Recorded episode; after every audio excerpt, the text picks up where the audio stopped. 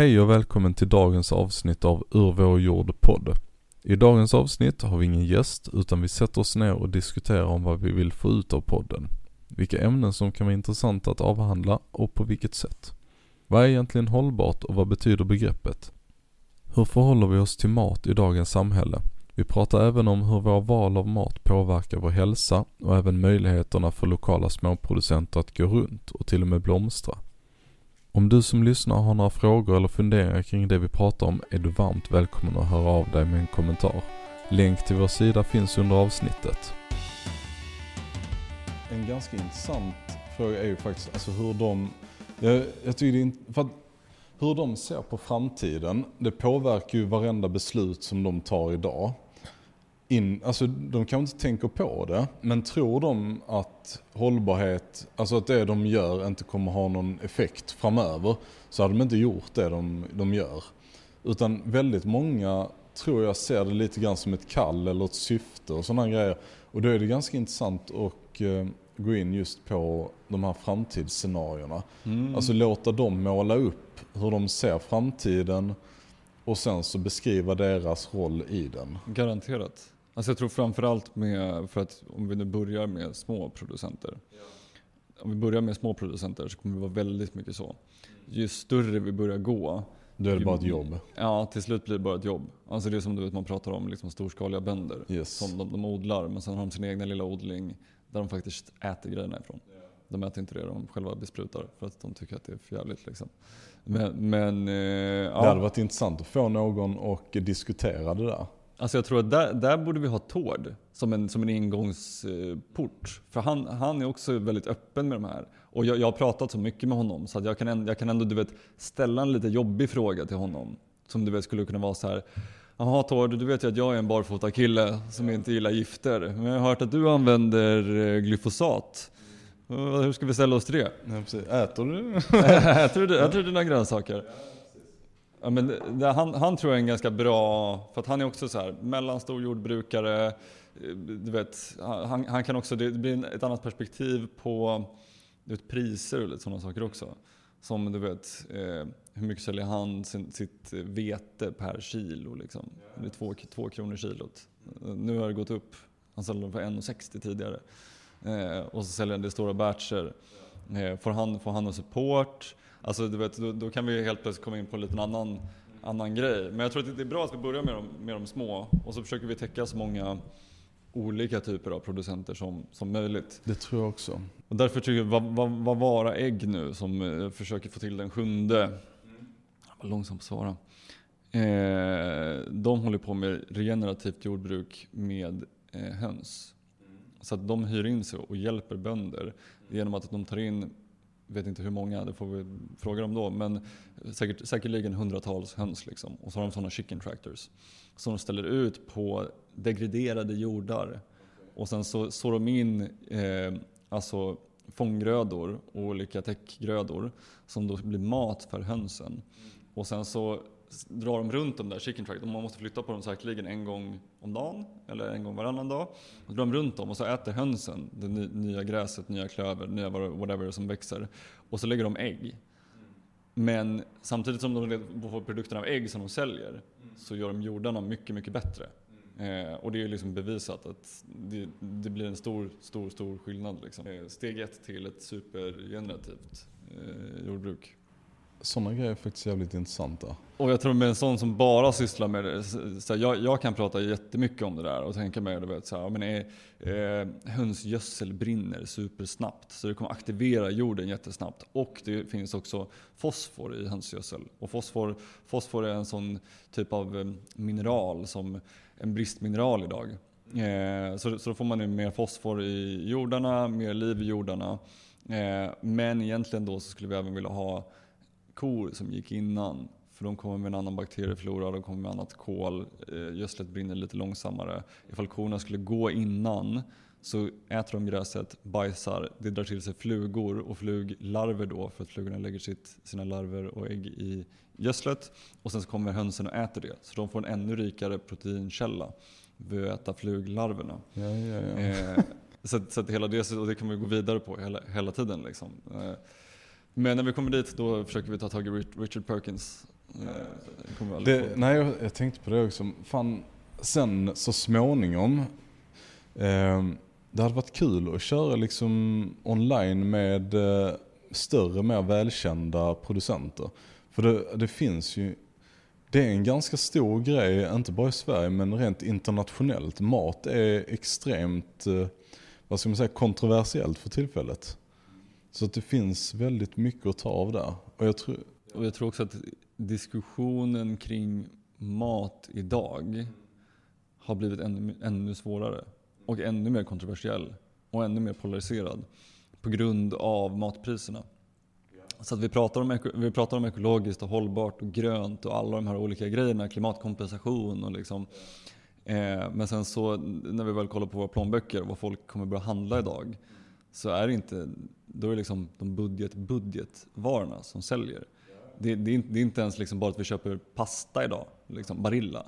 Som det är ganska mycket mat inom situationstecken, nu är det inte så mycket näring i det, men inom situationstecken för pengarna.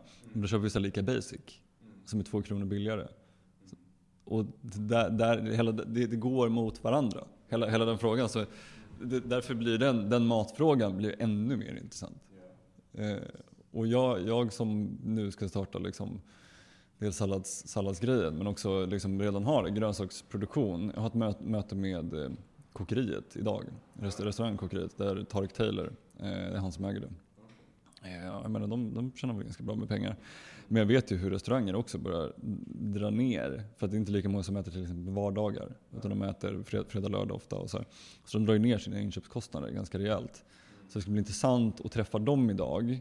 Jag har inte träffat en restaurang på ett år och pratat liksom faktiska priser. Eh, och redan för, för två år sedan, när, eller tre år sedan, precis innan corona, när liksom restaurangvärlden var i sin peak av liksom, peakens peak. Alla hade massor med pengar, restaurangerna blev supertrendiga, liksom hela det här med stjärnkockar var jättestort. Hela foodie-scenen absolut störst. Liksom. Eh, då var det svårt att sälja in mina produkter. För folk tyckte det var för dyrt. Och sen under corona så blev det ju liksom alldeles för dyrt. För då hade de inga kunder alls. Och sen, sen efter corona, ja, men då var det lite bättre. Men sen nu ser situationen förmodligen för dem också helt annorlunda ut.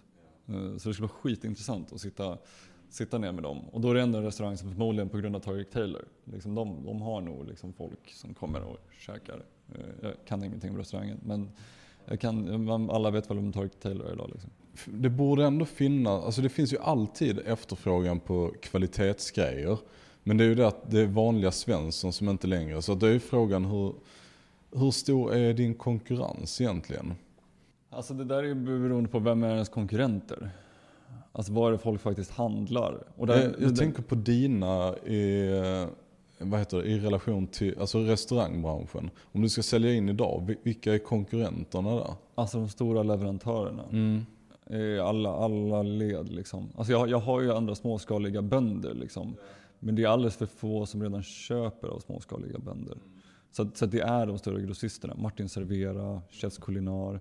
För där, där, när du väljer hos en grossist, då kan du också välja ifall du vill ha någonting som är jättebra eller mindre bra. Liksom. Eh, alltså även typ, säg Martin Servera startar upp då en sidoverksamhet som heter Sorunda grönsakshall eller grönsaksgrossist. Som är då deras fina produkter som kommer från små, små lokala. Så visst, där blir väl min konkurrens i det. Men den stora konkurrensen blir egentligen hela den organisationen. För att de kan ju förse, jag vet ju när jag ska köpa en grej hit och jag har till exempel en kille som ska sälja engångsförpackningar. Och han kan bara leverera eh, salladsskålar och bestick.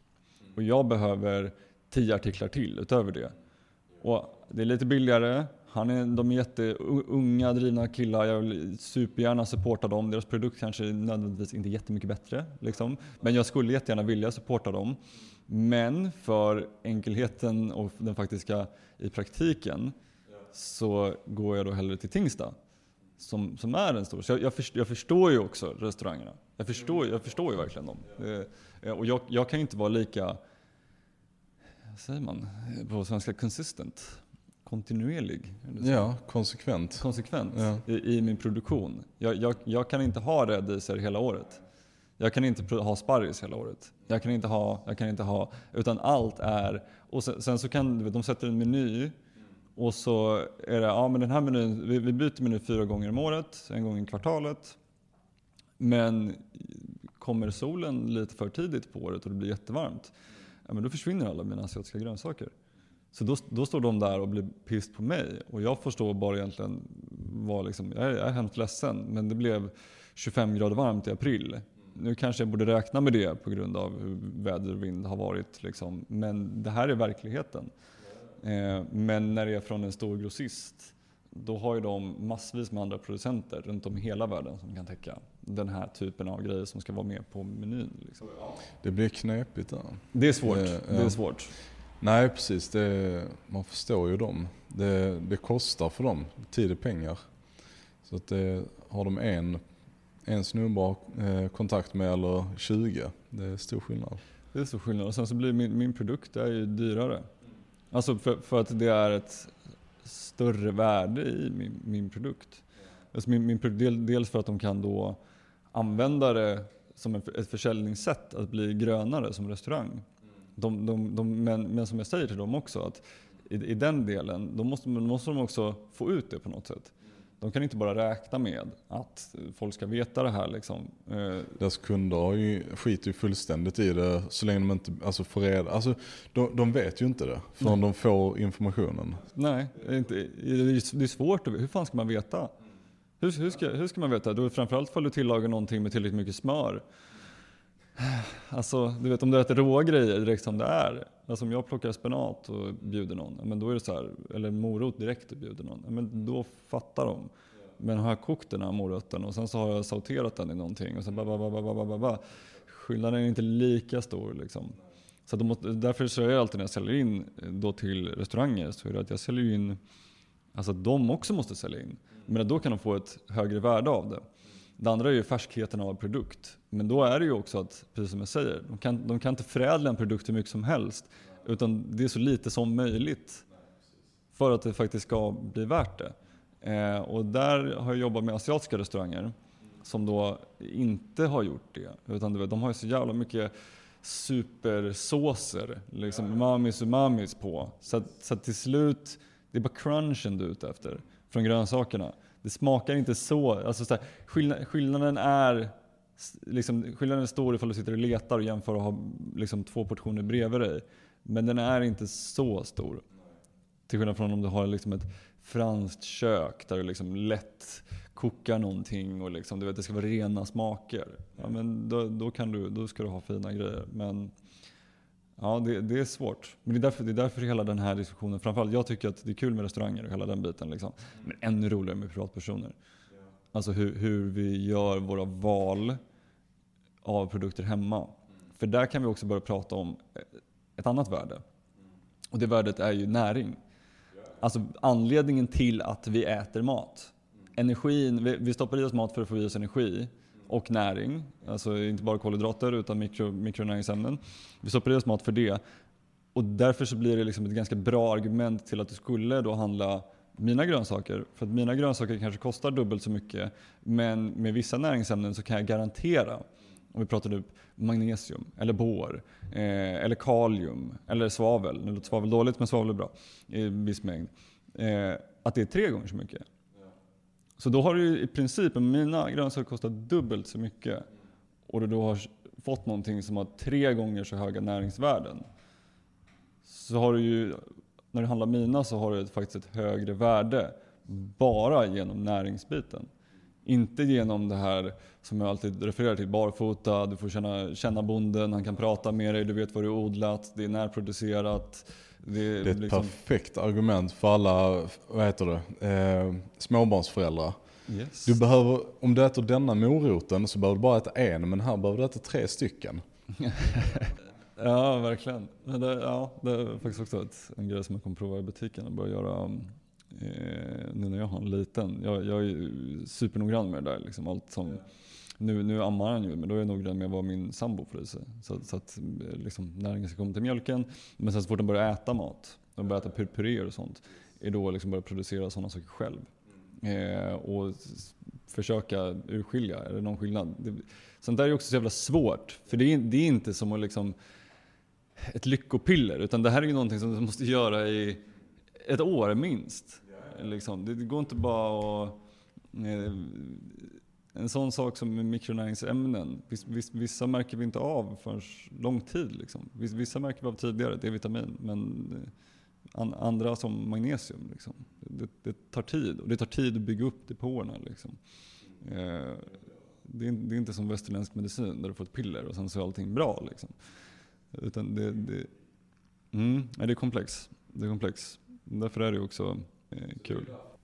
Så det är ju därför lite grann att vi ser det som ett mer långsiktigt Alltså vi vill få fram en mer långsiktig plan eller lösning eller vad man ska säga tillvägagångssätt. För att det, det är ju det är som du säger, det är inte bara att man ska föda en massa människor, du vill ha näringen, du vill ha... Det, allting ska liksom sam, sammanfalla.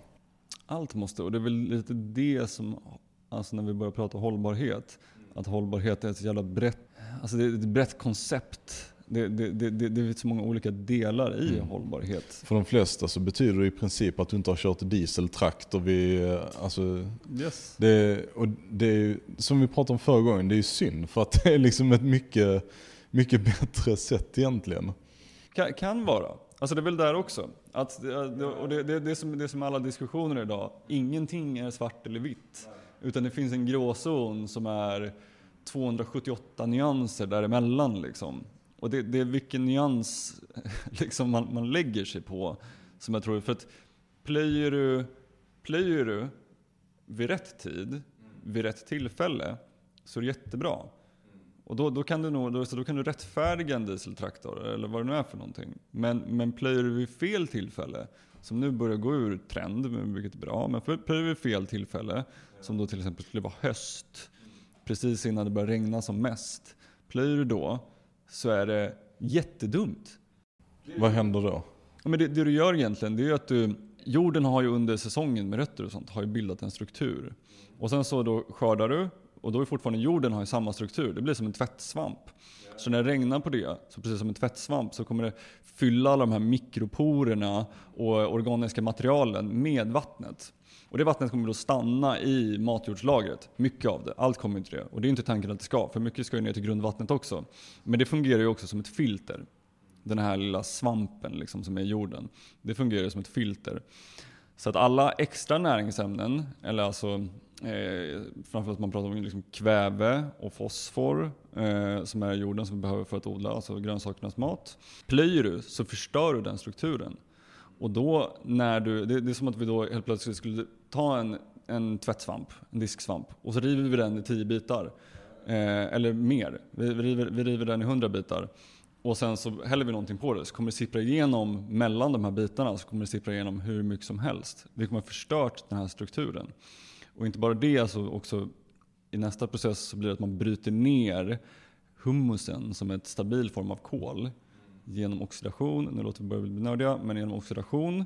Det är alltså en nedbrytningsprocess som sker. Och när det är alltså kol, när det bryts ner så blir det koldioxid. Så att det, när vi väl plöjer då, och framförallt fel tillfälle när det är blött, så åker det upp i atmosfären. Vilket är en stor anledning till att vi har väldigt mycket koldioxid i atmosfären. Alltså inte bara våra bilar, utan det, det också jord, jordbruket gör väldigt mycket.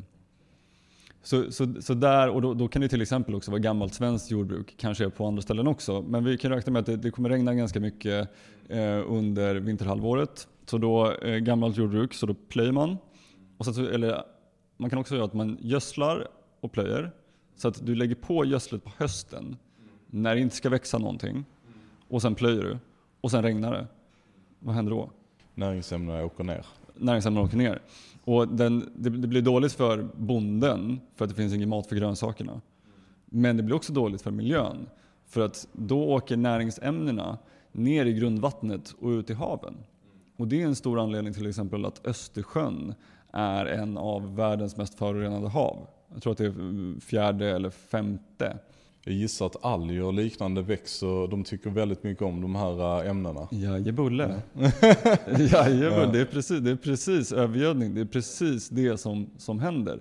Så det är inte ryssarna som slänger ner sitt kärnvapenavfall i Östersjön som gör att... Det var, det, det var min, mitt andra svar. Okej, okay, ja, men, ja, det, det, de kanske gör det också. Men det är inte alls en lika stor anledning. Och det, det här, det här är alltså liksom... Men, men gör det här vid rätt tillfälle. Säg att det då har stått in eh, under vintern för att täcka, och det här är jättemånga svenska bönder som bara senaste sju åren, alltså så länge som jag har hållit på med det här, som då under vinterhalvåret eh, odlar någonting som täcker marken under året. Och antingen kan du då så, som i Sverige, för det blir väl relevant att prata om det, eh, raps. Så då kommer rapsen komma tidigt på våren och då täcker den någorlunda under hela vintersäsongen och den har sina rötter som håller fast näringsämnen. Eh, den har också sina rötter som matar mikroorganismer som håller fast näringsämnen. Eh, du kan även så in eh, höstvete, höstråg. Men sen så, det mycket många bör hålla på med nu då, det är att också så in diverse olika vallar. Alltså man sår in saker som bara är till för att regenerera jorden. Och sår in då klöver, då kanske du gör det redan det gör du inte på hösten utan måste göra det mycket tidigare så att den kan etablera sig. Då sår du in den kanske under sommaren, tidig sommar. Eh, eller du kan ha eh, samplanterat den med någonting. Det kan vi gå in på någon annan gång. Men du sår in den tidigt, den har etablerat sig. Och sen får den stå ända fram till tidig vår. När då också det kommer börja regna mycket mindre. Bönderna är duktiga på att tajma det här. Då måste du plöja ner den här. Du måste plöja ner den här klövern. För att annars, visst det finns ju andra tekniker förutom att plöja som är harva och diska och som inte kräver lika mycket diesel. Men då måste du istället göra det hur många gånger som helst. Den sista tekniken som man kan göra, det är ju att spraya Roundup. Jag har researchat alltså ganska mycket om det här och liksom lyssnat på mycket podcast och läst mycket om storskaliga jordbruk. Och här finns det ju liksom en regenerativ grupp odlare som håller på med no-till som också har blivit ett väldigt, väldigt brett begrepp även i Sverige bland småodlare. Alltså att man inte ska hålla på att vända jorden. Men det här är deras sätt att inte vända jorden.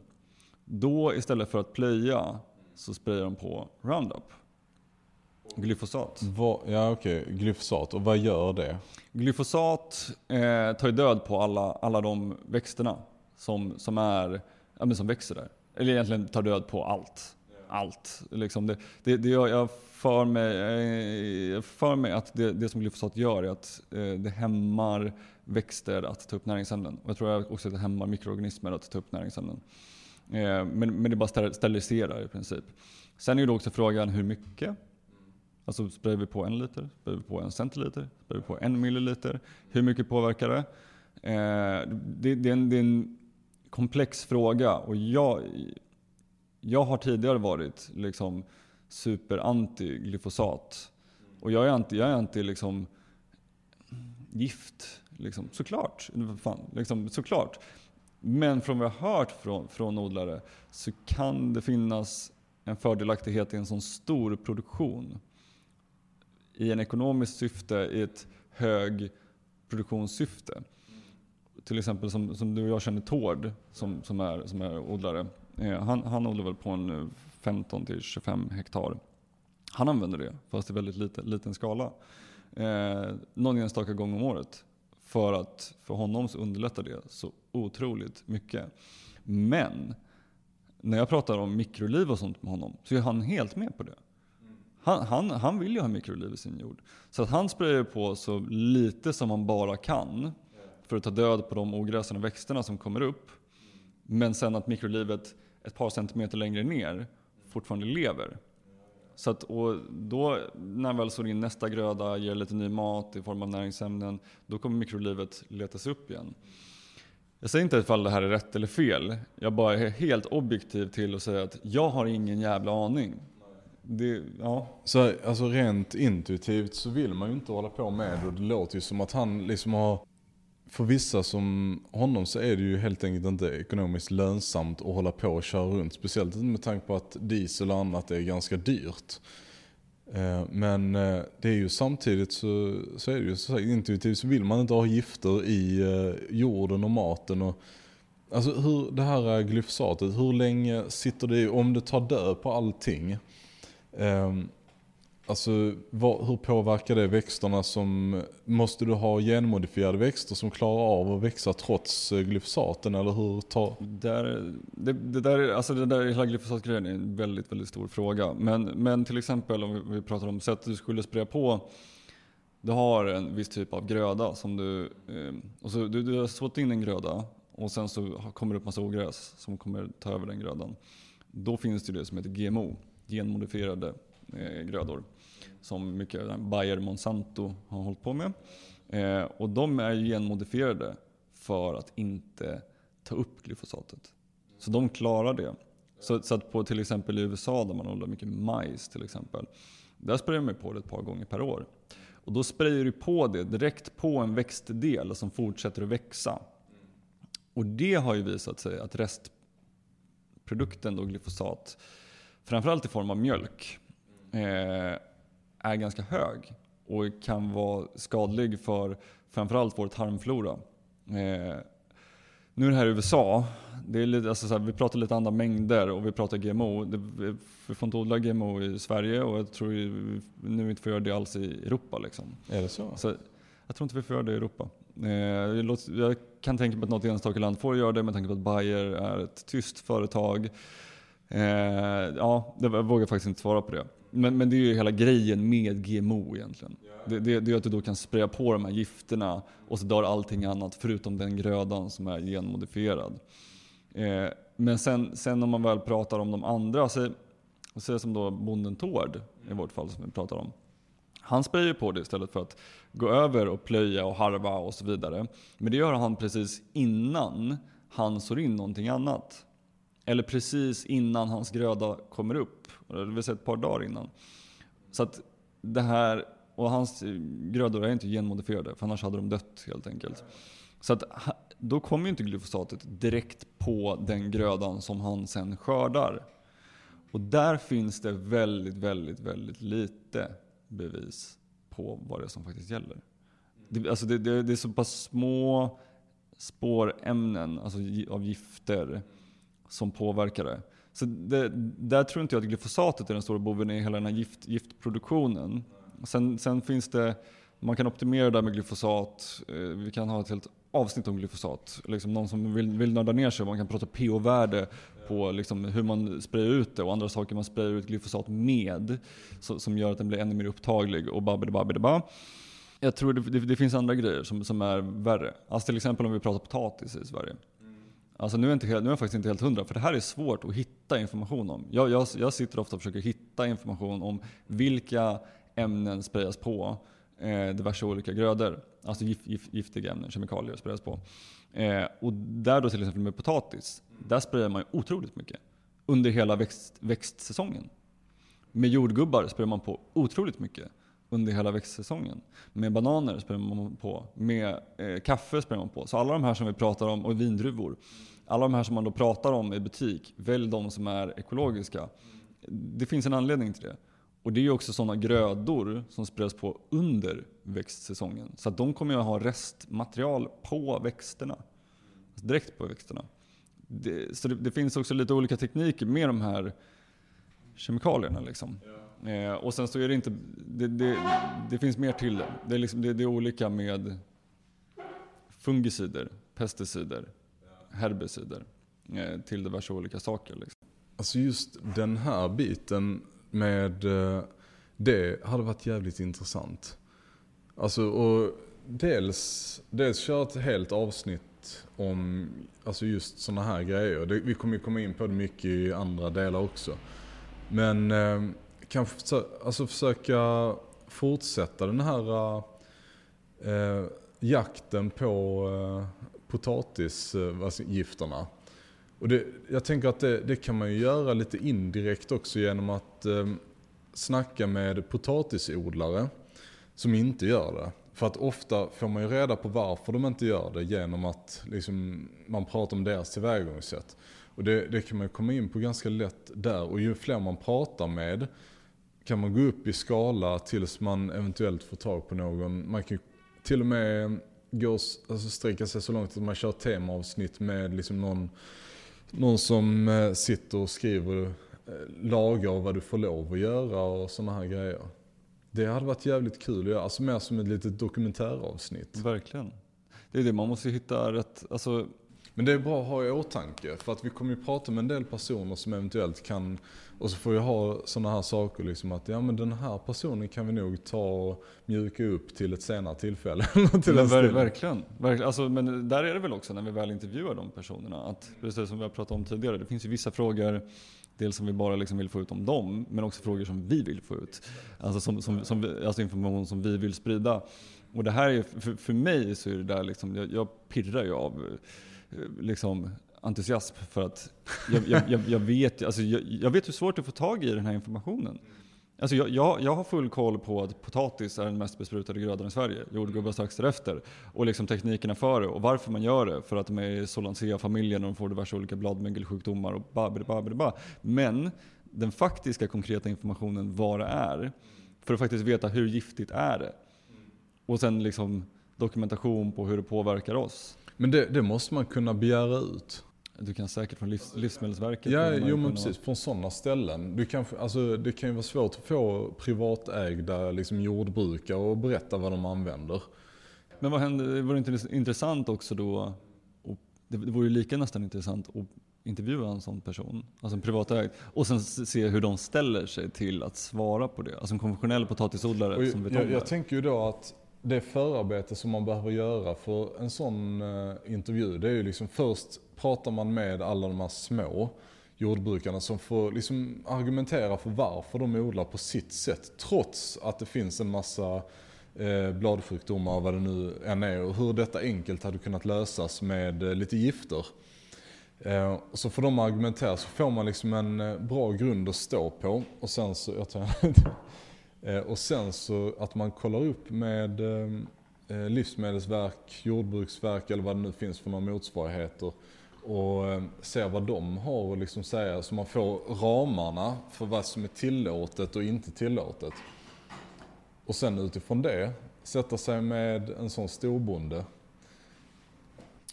Verkligen, och jag tror det finns för Svenska hushållningssällskapet till exempel, skulle vi kunna ta kontakt med. De brukar vara ganska medgörliga med alla sådana där grejer. Och de, eh, Ja. Ja, men jag, jag tror det finns många sådana intressanta diskussioner som vi faktiskt skulle, och det, jag, som sagt, jag tycker nästan det, det hade varit lika kul att se hur en potatisodlare förhåller sig till frågan. Du använder en jävla massa gift. Vad tycker du om det? Äter du din potatis? Ja.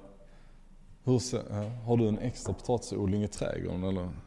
Jag ser framför mig, det, det som jag vill få ut av detta mer än att jag tycker det är ett intressant ämne är ju liksom, det är ju framförallt få veta mer om maten. Jag är ju lite grann en extremt, eller vad vad ska man säga, en lyssnare i detta fallet. Jag vet inte så mycket men eh, jag vill gärna få reda på mer om maten. Och sen så är det ju sådana här grejer som just nu, till exempel att eh, de har väl ganska nyligen, eh, eh, vad heter det, godkänt in, vissa insekter som livsmedel i EU till exempel.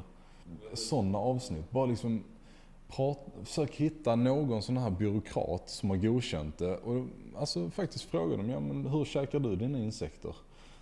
Det, det bär ju emot så fort man hör det. Men, men det är väl liksom, jag misstänker att det kommer inte som när man är i Thailand och käkar skorpion och allt vad det är för någonting liksom. Utan det är väl någon form av färs som de gör. Ja, alltså så som jag har förstått eh, Jag läste för ett tag sedan eh, ehm, Jag läste inte hela artikeln men de hade i alla fall kollat eh, Jag kommer inte ihåg vilken insekt det var. Men de hade i alla fall gjort mjöl av en insekt och eh, blandat ner det i vanligt mjöl. Så de, eh, poängen med den här undersökningen var att ta reda på vid vilken procentsats som eh, man märker att det är insektsmjöl inblandad i det vanliga mjölet. Och det visade sig, jag för mig nu att det var ungefär 25%. Efter det så började man märka att det var något fel på mjölet. Man kan tänka sig, för det är väl i, i, i mjöl vill du då använda gluten för att alltså få de här gluten, glutensträngarna för att få ett liksom fluffigt, fluffigt bröd. Men fan vad intressant. Alltså för där, där är ju också så här väldigt on point hållbarhetsfråga. Alltså så- fast att det går emot, liksom, åtminstone i västvärlden, att käka insekter. Så Det hade varit jävligt kul att alltså, ta sig an den ur ett helt objektivt perspektiv. Jag, jag, det, det, det, för, det, för det är verkligen, vore su, superintressant och det tycker jag vi ska göra med all, alla de här. Alltså jag menar, det, det, det är precis så som jag, jag pratar om glyfosat och Roundup. Alltså jag menar, jag skulle aldrig använda det. Någonsin. Fast att det till och med nu, nu har jag några ute på odlingen som jag kanske skulle behöva för jag har så mycket av ett invasivt ogräs som jag liksom inte får bukt på. Men jag skulle ju aldrig någonsin använda det liksom. Men jag kommer inte döma någon som gör det. Utan det är snarare att vi måste få reda på varför. Varför, varför använder de det? Och samma med insekter. Är det bra, är det inte? Och, eh, är det någonting vi kan producera i Sverige också? Alltså, för, för där är jag, när vi kommer till hållbarhet så finns det alltid en punkt som jag alltid liksom håller, håller fast vid. Och det är ju lokalproducerat. Alltså det, det, för då, då, får vi helt plötsligt tra transporter och vi får en lokal ekonomi som gynnas av, av just det. Men också att vi matsäkrar. Så att, så att lokalproducerat i så många delar i hållbarhet är alltid, det täcker så många olika de här hållbarhetsfrågorna. Liksom.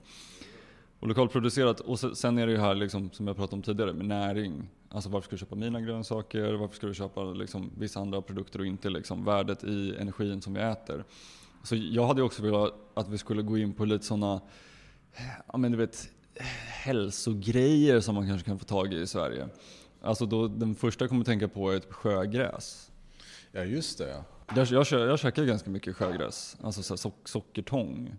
Eh, som jag bara strösslar på sallader och grejer. Som jag, liksom, för, för jag vet, dels tycker jag det är gott, det har liksom den här sältan, liksom, eh, nästan lite så umami. Eh, men, men, men sen rent från, det här kommer egentligen från odlingsperspektivet för mig, men sen också som har kommit till näringsperspektivet. Det, det är att det finns otroligt mycket mikronäringsämnen i sjögräs. Alltså jättemycket. Vi får i oss massvis av de här, liksom, nästan ett fullspektra, om, om inte ett fullspektra, av allt som vi behöver genom att äta tillräckligt med sjögräs. Eller alger. Eh, de är väldigt lika med sjögräs eller alger. Alltså många har hört om spirulina. Och det är lite, vi, vi, kan inte riktigt odla det här. Liksom den närmsta spirulinodlingen som jag lyckats hitta är Korsika. Lite annat klimat. Eh, och det, det, är fördelaktigt kanske att transportera en sån sak också till Sverige. För att jag menar, ett kilo spirulina, det, det är mer än en årskonsumtion för, för en vanlig person. Liksom. Och då får du i dig otroligt mycket mikronäringsämnen. Så, det, så en sån sak kan ändå rättfärdiga att man skulle transportera. Liksom.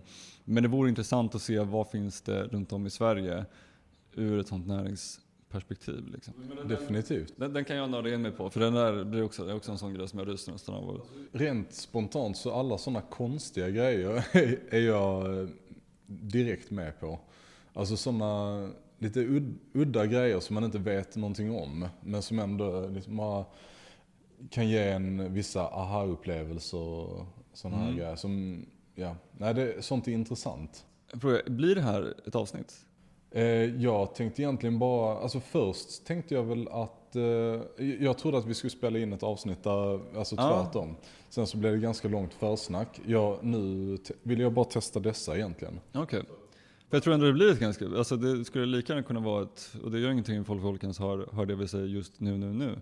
Utan det, det här är ju bara en sån spontan konversation som vi sitter och pratar om, liksom, om, om allt möjligt. Men nu har vi ändå inte hoppat lite för långt, utan nu pratar vi faktiskt om vad podcasten kommer att, vad vi tänker att, att det ska handla om. Alltså för, förutom det som är med, eh, och det kanske vi inte har pratat om just i det vi har pratat om nu, med producenterna som vi ska bjuda in eh, och försöka få fram den här informationen. Eh, och där kommer vi börja med producenter som är lokala producenter först och främst, småskaliga. Eh, men sen, sen senare eh, då förhoppningsvis, ifall det är fler som tycker att det här är intressant, precis som du och jag tycker, att kunna gå till de här andra lite större producenterna och insekts, eh, insekts ja, ja, vad det nu är för någonting. Få en omröstning. ja, ja, men det, är nästa, liksom, nästa gräv. Men precis, och det kanske är där också, för att vi, kan, vi fortsätter göra det här, dels för att vi själva ska få ut informationen, för att vi ska kunna få ut det. Men också för att alltså, om det är ingen som lyssnar på det så, så får vi inte ut informationen. Det är det enda vi vill. Liksom. Alltså få, få ut informationen. Och därför så är det ju väldigt relevant vad lyssnarna vill höra. Ja, absolut. Alltså, jag kan tänka mig att jag, jag, tycker ju hela den grejen rent ur konsumentperspektiv. Man går på ICA och ska förstå saker. Varför ska jag köpa ekologisk potatis eller inte? Liksom, varför ska jag köpa grönkål? Är det samma som gäller där? Det, det, det, tycker jag är intressant för att det är en vardaglig grej. Liksom. Och det är ju någonting som i de här producentintervjuerna vi ska försöka fokusera en hel del på. Förutom att lära känna producenterna och liksom hur produktionen går till. Eh, och liksom, är, är det något sånt folk vill lyssna på? Eller vill man lyssna på ja, men, olika gifter? Bra, dåligt, olika produktionsgrejer, eh, småskaliga producenter. Eh, ska vi ta in en kock och prata liksom, säsongsbaserad mat? Alltså för det är också, det är samma där, det är också en hållbarhetsperspektiv. Alltså allting knyter ju ihop väldigt eh, bra. Alltså allt det som du nämnde nu precis, det knyter ihop väldigt väl. Du har ju småskaligheten och småskalighetens betydelse för eh, hur vi ska klara oss dels eh, ur ett eh, alltså nationellt perspektiv eh, på regioner, alltså by och liknande. Hur eh, allting ska fungera. Vi vill inte ta in mat från resten av världen utan vi vill kunna producera själva här. Eh, samtidigt så måste vi veta hur vi ska använda det. För tar vi inte in grejer från resten av världen så har vi liksom inte eh, all typ av mat hela året utan då måste man anpassa sig.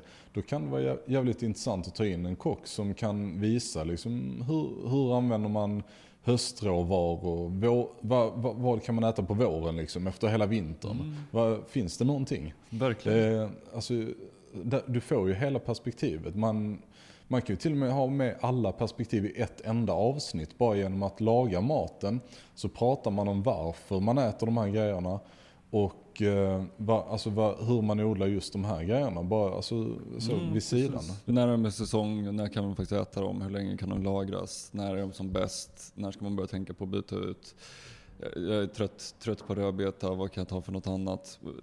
Men, men det, jag tycker ju även där i den diskussionen, precis som jag då pratade om spirulina, jag, jag, tycker till exempel, och det här är också från när jag skrev en hållbarhetsmatris om eh, livsmedelsprodukter, att vissa livsmedelsprodukter, alltså saker som ger oss mycket smak under säsong, kan jag tycka att man ska rättfärdiga att importera. Alltså till, till exempel, har vi inte en sojaproduktion i Sverige, men att vi importerar soja, så kan jag tycka att det är rättfärdiga. För det, det behöver inte så jävla mycket soja för att få en maträtt att smaka väldigt mycket mer. Samma med kryddor. Ett kilo svartpeppar. Det är betydligt mycket mer än, jag äter säkerligen ett kilo svartpeppar, men det är mycket mer än vad en vanlig person äter på ett år. Liksom. Och det håller länge, det är en torrvara, så det håller väldigt länge. Transportkostnaderna, för de vakuumpackar de här påsarna i stora påsar. Transportkostnaderna blir inte lika höga, eh, för de tar inte lika mycket plats. Eh, den diskussionen tycker jag också är ganska intressant. Att för, för där blir det ju liksom, vi kanske ska ta bort de grejerna som framförallt grönsaker. Du behöver ju inte importera liksom äpplen under hösten till exempel. Nej, det är ju jävligt dumt. Men, men det kanske är samma där, att vi kanske inte heller då ska importera tomat under vissa, vissa säsonger. För, för att tomaterna kan bli dåliga mycket snabbare än vad till exempel soltorkade tomater skulle kunna bli. Eller tomatpuré eller tomatpulver. Eh, finns det ett annat sätt att få smaken tomat? För det, det, är ingen som vill offra, det är ingen som vill offra alla saker bara för att vara right, folk vill äta tacos. Jag vill äta tacos. Liksom, ja, men alltså, så här, man, man, vill äta vissa av de här grejerna ibland. Och det här är ju hela det här, liksom, jag tycker det här går ganska mycket till liksom vår filosofi och vara objektiva kring det här. Att det behöver inte vara svart eller vitt. Man behöver inte liksom leva så som vi gjorde på 1500-talet här och då att vi bara under vintern, så som nu, ska äta det som är tillgängligt svenskt. Vi kommer inte hålla oss till det. För det är fan inte kul. Alltså, det, det, det är inte roligt. Eh, men, men, kan, vi, kan vi använda de grejerna vi gör idag Alltså typ som jag äter vitkål som en dåre, men preparerar då vitkål på tre olika sätt för att få tre olika perspektiv på den smaken och sen lite kryddningar och lite sådana grejer till det. Kan, kan, alltså så här, vart hittar man det bästa sättet? Det vore också, jag, jag skulle tycka att det var otroligt roligt. Jag har jobbat med ett kryddföretag, eller haft ett kryddföretag eh, tidigare, så jag är ju en jävla nörd på kryddor. Så när vi är ute och reser, vi försöker ju alltid vanligtvis, i år har vi lite mycket annat att göra, men vanligtvis så är jag och min sambo ute och reser januari, februari varje år. Eh, och jag är inte sån, jag fixar inte att ligga på stranden. Jag måste ha liksom... Du får ett par kryddor? Ja, jag, jag är ute och letar efter bönder. Jag, jag är ute och letar efter eh, liksom, producenter. Så allt har med, allt med mat att göra för mig. Så jag väljer våra destinationer på grund av mat, matproduktion. Så senast förra året var vi i Sri Lanka. och Då reste vi runt i hela landet i Sri Lanka för att hitta krydd, kryddproducenter. För att jag ville typ till exempel se Alltså svartpeppar är en, eh, jag, men, jag är nästan tragiskt passionerad kring svartpeppar. Alltså på riktigt nästan tragiskt passionerad. Då, men då var vi runt i Sri Lanka och var på svartpepparodlingar. Eh, och det finns framförallt en, en region i Sri Lanka som är i eh, mitten, eh, nu faller namnet ifrån mig vad det precis vad, vad det heter för någonting. Men alltså där växer det så mycket svartpeppar så att du ser ingenting annat. Det växer, alltså det är en, det är en ranka så det växer upp längs trä, trästammar. Och så, så eh, men alltså det var, det var svartpeppar everywhere. Det luktade typ svartpeppar när man åkte förbi. Men du kunde inte se något annat än svartpeppar. Eh, och så var vi på en svartpepparodling och så var vi hemma hos folk som var småskaliga odlare som hade sin egna produktion av svartpeppar och jag fick prova eh, alltså svartpepparblomma. Jag, jag, kanske inte fick prova, men jag tog en svartpepparblomma för att då, vi var ju där i, men, eh, just där i februari. Eh, den svartpepparn blir mogen inte förrän augusti. Men då var det som små, små, små Alltså då pratar vi små, vita blommor. Knappt så man förstår att det är blommor på en litet, litet skaft. Eh, och smaken på det där är något helt annat. Alltså det, det, det, är så, så himla coolt. Men i, i, i det stora hela, vi ska inte dra ut för mycket om svartpeppar. Som sagt, jag är tragiskt passionerad omkring just svartpeppar. Vi gör ett avsnitt om. Det, vi kan jättegärna göra ett avsnitt om. Jättegärna en säsong. Eh, men, men just hela krydd, kryddbiten. För där är det en sån typisk grej i ett hållbarhetsperspektiv för att äta säsongsbaserat så tror jag att vi måste komplementera med andra saker. Men där måste vi vara smarta och komplementera med rätt grejer. Vi transporterar inte färska grejer som kan bli dåliga, som har lite smak, som inte ger oss någonting. Utan vi transporterar saker som håller länge med mycket smak, som inte tar så mycket plats i transport. Vi transporterar inte mineralvatten. Liksom. Det, är också, det, är också, det håller länge men det tar alldeles för mycket plats och det, det makes no sense. Men, men vissa saker, det är samma där, den här jävla skalan som vi pratar om. mellan svart och vitt. Den här gråskalan är stor och där måste vi placera alla de grejerna. Men bygger, bygger inte allt detta egentligen på att eh, efterfrågan på varor från Sverige ökar egentligen? För att det, är det inte det som egentligen drar, eh, drar snöret, om man säger så? Drar lasset? Alltså, gör, jag, jag, jag tänker mig ja, ja och nej. Alltså, framförallt nu när vi pratar om liksom hur, hur, livsmedelsproduktionen och livsmedelspriser och sånt är idag. Liksom. Vi, vi, går till den vanligaste grönsaken, tomat. Liksom. En av dem åtminstone. Folk kommer vilja ha tomat. Det makes no sense än så länge att vi ska odla tomat typ nu i Sverige. Men folk kommer vilja att ha det. Liksom. Eh, jag, jag tror det har med Mest tror jag faktiskt att det har med. För jag, jag, har varit väldigt mycket så tidigare att jag har varit insatt i mina rätter. Liksom. Du vet, man har sina 20-25 rätter som, som man snurrar runt på hela tiden. Om ens 20-25 stycken. Liksom.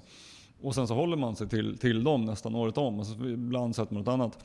Men, men jag tror att det är kunskapen kring, kring hur man tillagar vissa saker till exempel grönkål. Grönkål tycker jag är den liksom absolut, bästa, absolut bästa exemplet på att ta en produkt som vi kan producera i Sverige nästan året om. Och då menar jag liksom, det, vi pratar allt förutom två veckor kanske, tre som vi kan få grönkål i Sverige. Och vad du kan göra med grönkål som folk inte vet, typ grilla grönkål. Amazing! Amazing! Hur gör du? Grillar du den hel eller? Ja men ta, ta ett helt blad, släng den på grillen, låt den bli lite svart, ta av den och sen så skär, byxar du den kallar man det restaurangspråk. Men så du tar bort stammen, hack, hackar den fint och så har den till, till någonting. Alltså som, som Lägg den på en burgare? Alltså det kan du mycket möjligtvis göra, men bara en, en fräsch grönkålssallad. Så, så eh, släng på den på grillen, låt den charas lite, ha lite um, olja, vinäger, eh, rosta lite nötter, Ehm, fanka till det med någon frukt eller någonting ifall det är säsong för det. Alltså, man kan göra otroligt mycket med de här grejerna. Som, och grönkål är en typisk sån som man, anledningen till att jag tar just grönkål är för att det är en typisk sån som man tänker sig, det här är bara en nyttig jävla grej som egentligen inte är god, men jag äter den för att den är nyttig. Ifall någon tycker att grönkål är gott så är det grönkålschips. Jaha, och du får ju inte ut ett skit från grönkål. Du tar en bukett med grönkål och får ut en liten skål. Liksom. Vi brukar faktiskt göra en eh, grönkål, äh, grönkålssallad. Ta ett halvt äh, grönkålshuvud om det är ganska stort. Lite morötter, lite rödlök och skiva äpple i. Mm. Och sen så på med lite vinäger, kryddor och svartpeppar. svartpeppar. och sådär. Och lite olja. Det är jävligt gott. Och den står ju, alltså den, det brukar bli ungefär två skålar av den. Två ganska stora skålar. Så att, och de håller sig ungefär en vecka. Det är en veckas eh, liksom sallad för vår del. Och det, den är ju jävligt billig att göra. Jag menar, där är liksom en typisk sån, sån grej. Och om man börjar då, för där, där tror jag att hela med den, vad vi väljer att äta handlar mycket om recepten vi lagar hemma och kunskapen vi har kring liksom svensk mat. Vi, vi, vi har vant oss liksom med den här försvenskade italienska maten, försvenskade mexikanska tacosen. Liksom, vi, vi, vi har vant oss vid de här grejerna där det alltid är typ tomater och alltid är de här andra produkterna. Tar vi de produkterna som är svenska och bara förädlar dem på ett lite annat sätt så tror jag att vi kan få fram väldigt annorlunda smaker. Och det har kommit mycket med, med de här senaste åren med ny nordisk mat. Nu blir det extremt. Alltså ny nordisk mat kan jag tycka är lite extremt men, men alltså för då använder man mycket så här enbär och granskott och liksom. Ja, just det, ja. Eh, och det, det är gott till en viss grad tycker jag. Men det är inte det jag vill äta varje dag liksom. Eh, men, men i och med det så har det också kommit väldigt mycket ny kunskap kring vad vi kan skörda, producera och förädla i, i Sverige under, under säsong.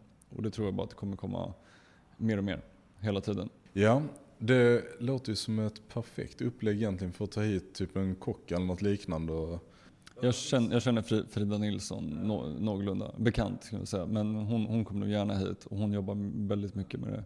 För det hade varit intressant. Och det, alltså det, det är också sådana grejer som man kan göra väldigt enkelt. Ett temaavsnitt med liksom nordisk mat. Inte för att vi vill äta det varje dag. Men alltså, för det är intressant att veta vad som ingår i den här och hur man tillagar de olika delarna. Eh, sjögräs. Mm. Nej men alltså sådana såna specialgrejer. Det hade varit roligt att veta mer om. Ja, alltså jag, det är ju lite anledningen till att jag har bestämt mig för att starta en salladsbar.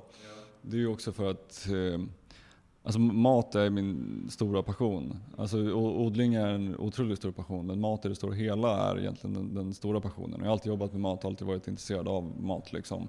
Och när jag är hemma så sitter jag bara och läser matböcker. Eh, typ, typ som nu, nu sitter jag med fem böcker framför mig och plockar ut grejer och bara men, allt som har med mat att göra liksom, och experimenterar. Jag har ett eget kök i vårt kök. Där jag har liksom allt jag behöver själv med induktionsplattor och liksom, eh, bara för att jag bara står och experimenterar med grejer. Och anledningen till ett salladsbar det är egentligen för att få ut kunskapen kring eh, alltså säsongsbaserade råvaror. För att då när jag odlar saker, det är otroligt svårt att få en medvetenhet bara genom att vara odlare och bonde. Man kommer inte ut till tillräckligt många. Och jag kan alltid stå och prata, alltså varje, varje person som jag träffar, om det nu är grönkål, eller vad det nu är för någonting, så försöker jag alltid ge små tips. Men till slut så pratar jag så här hela tiden för att du vet, man träffar sina kunder, man har liksom en timme på sig och sen så ska du göra det här och så blandar du med det här och så måste du gå och köpa det här. Och liksom, det, det, det blir, det blir inte bra, det blir inte stressigt. Utan därav så liksom, ifall jag då komponerar sådana saker som är säsongsbaserade, som de först och främst bara får smaka, så hoppas jag att det väcker ett intresse till grönkål med äpple, eller whatever. Alltså att, att det väcker ett intresse. Och då är det också att vi ska ha ett skafferi här. Så att alla saker som vi då, eller majoriteten åtminstone, som, som finns i salladerna ska man kunna ta med sig hem också. Men det är just det, att vi ska försöka hålla oss säsongsbaserade, lokala till så stor grad som möjligt. Eh, och sen då genom att bara folk får äta och prova och få egen inspiration kunna då gå sen till ICA eller vart man nu vill handla sin, sin mat och köpa grönkålen där och sen göra samma sak. Eh, för jag tror att det är kunskapen. Jag tror att kunskapen kring mat, folk är foodies, folk har blivit otroligt duktiga på mat. Men det, det är mer liksom den här foodiesvängen, som, det, det har inte med lokal eller säsongsbaserat att göra. Det är mer Instagram-mat. Instagram, men också de här kulinariska. Vet, mycket, nu, nu italienskt, supertrendigt. Vet, göra sin egna pasta. Jag tycker alla ska göra sin egna pasta. Det är svinenkelt att göra pasta. Liksom, skaffa en pastamaskin, blanda de här liksom, ingredienserna, dra igenom den klart. Men det är de här olika liksom, så här, kulinariska grejerna som, som har med att du ska kunna de här olika recepten och hur du ska steka en bit kött och hur du ska liksom Eh, men just det här som har fokuserat på säsongsbaserat. Säkerligen att folk har blivit mycket, mycket bättre. Men det finns otroligt, otroligt mycket mer vi kan göra. Alltså sjukt mycket mer vi, vi kan göra. Eh, Och även liksom ta sådana saker som, nu, nu står jag hemma och gör biang biang nudlar. Alltså det, det, är en typ av nudel som kommer från Sichuan i Kina. Där du bakar nudlarna, det är inte lika lätt som pasta. Men, eh, och sen så slår du de här nudlarna så att de blir typ ja, men en, en och en halv meter långa. Eh, och så slår du dem och så river du dem i mitten. Så det blir som en nudel som är typ ja, men två, två och en halv meter lång liksom, när du väl kokar den. Och sen så har jag lite asiatiska såser och sånt som jag har varit och köpt för liksom den här umamin och mycket av den här smaken. Men sen så tar jag då lokal, alltså, lokala råvaror, grejer framförallt för min odling, eh, som jag har som grönsakerna i det. Och då, då tar jag bara det och blanchar det, lägger ner det med nudlarna, blandar det med alla de här andra smakerna och sen så har jag en rätt. Så nudlarna har jag till och med, nu behöver man inte gå så långt, för nudlar är inte liksom världens grej att transportera heller. Men, men nudlarna kan man göra själv. Grönsakerna är från lokala producenter, till och med från mig själv, men det är inte som att vi kan kräva det från, från alla andra, liksom, att man ska göra det själv. Men säsongsbaserade råvaror åtminstone. Och sen är det de här små smakbomberna. Om det nu är miso, soja, fisksås. Alltså jag menar, de räcker hur länge som helst. Hur länge som helst. Och så har du en rätt på, alltså det är inte många minuter att slänga ihop en, en sån typ av rätt. Eh, och då kan man liksom alltid variera den där beroende på, på säsong. Ja, vi har mycket att prata om. Det finns eh, otroligt mycket att prata om och jag vet det, det här är det som kommer vara roligt. Eh, vi, vi, kommer, vi kommer ju börja med att eh, inte fokusera så mycket på oss själva. Nej, precis. Vi, vi, vi kommer försöka lyssna på, på så många andra som möjligt som är duktiga på annat. Eh, och, Sen kommer vi in på varför de har fel och du har rätt. Eller? yes. eh, där, jag, allt, allt vi säger, jag, jag, har, jag har väldigt sånt liksom, jag försöker ha ett sånt tankesätt, ibland kanske det inte låter så, men att allt ska vara, det här är vad vi tycker eller vad vi har läst. Det är ingenting som nödvändigtvis är rätt eller fel. Vi ska försöka få ut informationen och säga vad vi tycker. Sen vill vi gärna få in åsikter och annan information som är rätt. För att det som vi har pratat om tidigare, tillsammans så kan vi få liksom den här informationsbanken och göra en förändring. Men, men, men börja med att lyssna på de andra producenterna. Eh, ta åt oss så mycket som möjligt, lära oss så mycket som möjligt och få ut så mycket som möjligt. Och sen, eh, så det jag verkligen ser fram emot, det är ju de här konversationerna. Där du och jag sen sitter på odlingen i sommar, dricker några några lokalproducerade bärs. Exakt. eh, och kanske, kanske ta med någon eh, fruktstereo eller liksom en lokal, lokalt sideri eller någonting kan vara med någon gång också. Sitter vi där och dricker och egentligen bara pratar om... Sitter vid ett sketet plastbord på några sketna plaststolar och, ja, yes, och bara, omgivna av grönsaker. Omgivna av grönsaker och bara gaggar. Eh, och där, där vore det ju jävligt kul jag skulle tycka där, alltså för vi har ju dels många grejer som vi vill prata om. Mm. Men där tillbaka till det här att det vore jävligt roligt att få lyssna på andra. Vad de skulle vilja höra. Så att ifall vi då skulle sitta där och gagga och så skulle vi få in några förslag, tre stycken. Om det nu är, vi säger att det skulle vara då eh, in, insekter, grönsaksproduktion och eh, Illuminati. Nej nu ska jag lite. Men, men, men vad som helst liksom. Och att, och att vi då cirkulerar vår konversation kring det. Eh, för jag vet när du och jag sitter och pratar, vi behöver ändå lite ramar. Ja, jo men någon enstaka så här skyddsnät. Lite, lite. Alltså, sen, sen, är det ju tanken att vi ska sväva. Men bara lite liksom. Det, det, det ser jag liksom. Det, det kommer jag tycka kommer bli så jävla roligt. Mm. Eh, och framförallt också höra vad folk tycker ja. kring det vi sitter och snackar skit om. Ja, precis. Jag tänkte, alltså där finns ju en, eh, vi har ju i vår jord, nej ur vår jord podd, utan eh, ringen över året då, .substack.com. Där finns en kommentarsfunktion, eller en chattfunktion, där man kan gå in också. Jag vet inte ifall det är någonting som, eh, vi får se. Man kommer i alla fall kunna gå in och kommentera på eh, avsnitten och sånt där. Okay. Så att det finns möjligheter. Det är skitbra. Jag tänker för att göra det enkelt för, för folk så kanske man kan lägga det som en eh, länk ja. i bio på Instagram. Så urvarjord.podd och så får vi lägga den som en länk, länk i bion. Eh, för det är verkligen, liksom, vi vill höra allas åsikter. Ja. Eh, då, då, vet vi liksom vad vi ska förhålla oss till. Jag och Gustav när vi sitter och dricker bärs, lite ramar åtminstone. Eh, och sen bara liksom, vi vill få ut informationen som folk är intresserade av. Eh, utöver den informationen vi själva är intresserade av. Exakt. Nej men det är nice. Det var, ja, var detta vårt första extra materialsavsnitt. Jag tror faktiskt det. Jag tror det. Det var inte tanken att det skulle bli det. Men jag tycker, att vi fick, jag tycker faktiskt att vi fick med bara av konversationen. Ja. Så jag tycker att vi fick med alltså ganska exakt vad, hur en sån konversation skulle kunna vara. Som när du och jag bara sitter och pratar. Nu fick vi också med lite ram, ramar kring alltså hur podden kommer att vara. Och jag hoppas att ni kanske får lite, lite känn på, på oss. Jag, jag tror att det här, det här kommer bli skitroligt. Det tror jag nog också. jo men det ska bli jävligt spännande. Intressant om inte annat. Ja. Få höra alla olika perspektiv. Det är, liksom, det är någonting som du kanske har lite bättre koll på men för mig är det i princip helt nytt. Alltså de här olika eh, små, småbruken och eh, lokalproducerade odlingarna. Man vet ju att de existerar men man vet inte hur det funkar eller varför och ja, alltså vad, vad skillnaden är helt enkelt. Det, det är en sån sak som jag ser fram emot att förfäras över lite grann av vad man har ätit hittills. Men jag tror, jag tror att det är precis det som är, är bra. Jag, jag har ju som sagt, jag har ju nördat det här. Liksom inte bara grönsaksodling utan lokalproduktion och allting som har, inte allting men mycket som har kring det senaste sju åren liksom, och varit besatt av det. Men jag tror att det är därför det, vi kommer ha en bra dynamik. För tanken i det här är ju lite som att du ska komma in, jag vet att du har bra koll på mycket grejer också, men att du ska komma in också som någon som inte har lika bra koll. Jag kan ställa de dumma frågorna. Jättegärna. Alltså för att det, det, inga, inga frågor är nödvändigtvis dumma. Vet vi, alltså det, det är säkert jättemånga som inte vet det här och jag kan vara helt insnöad i mina glyfosattankar. Liksom. Alltså, och jag har ingen aning om egentligen hur många som har koll på det här och inte. Eh, och det är därav den här dynamiken kommer att bli bra. Sen kommer du komma med massvis med samhällsperspektiv.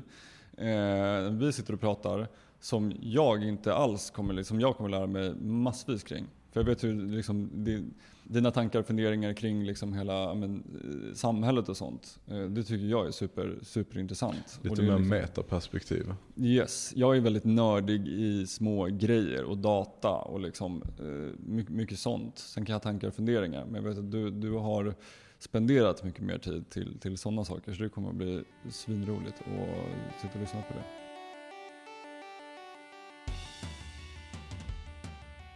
Tack för att du lyssnar på dagens avsnitt. Har du frågor eller funderingar kring det vi pratat om är du varmt välkommen in på vår sida. Länk finns i avsnittsinformationen.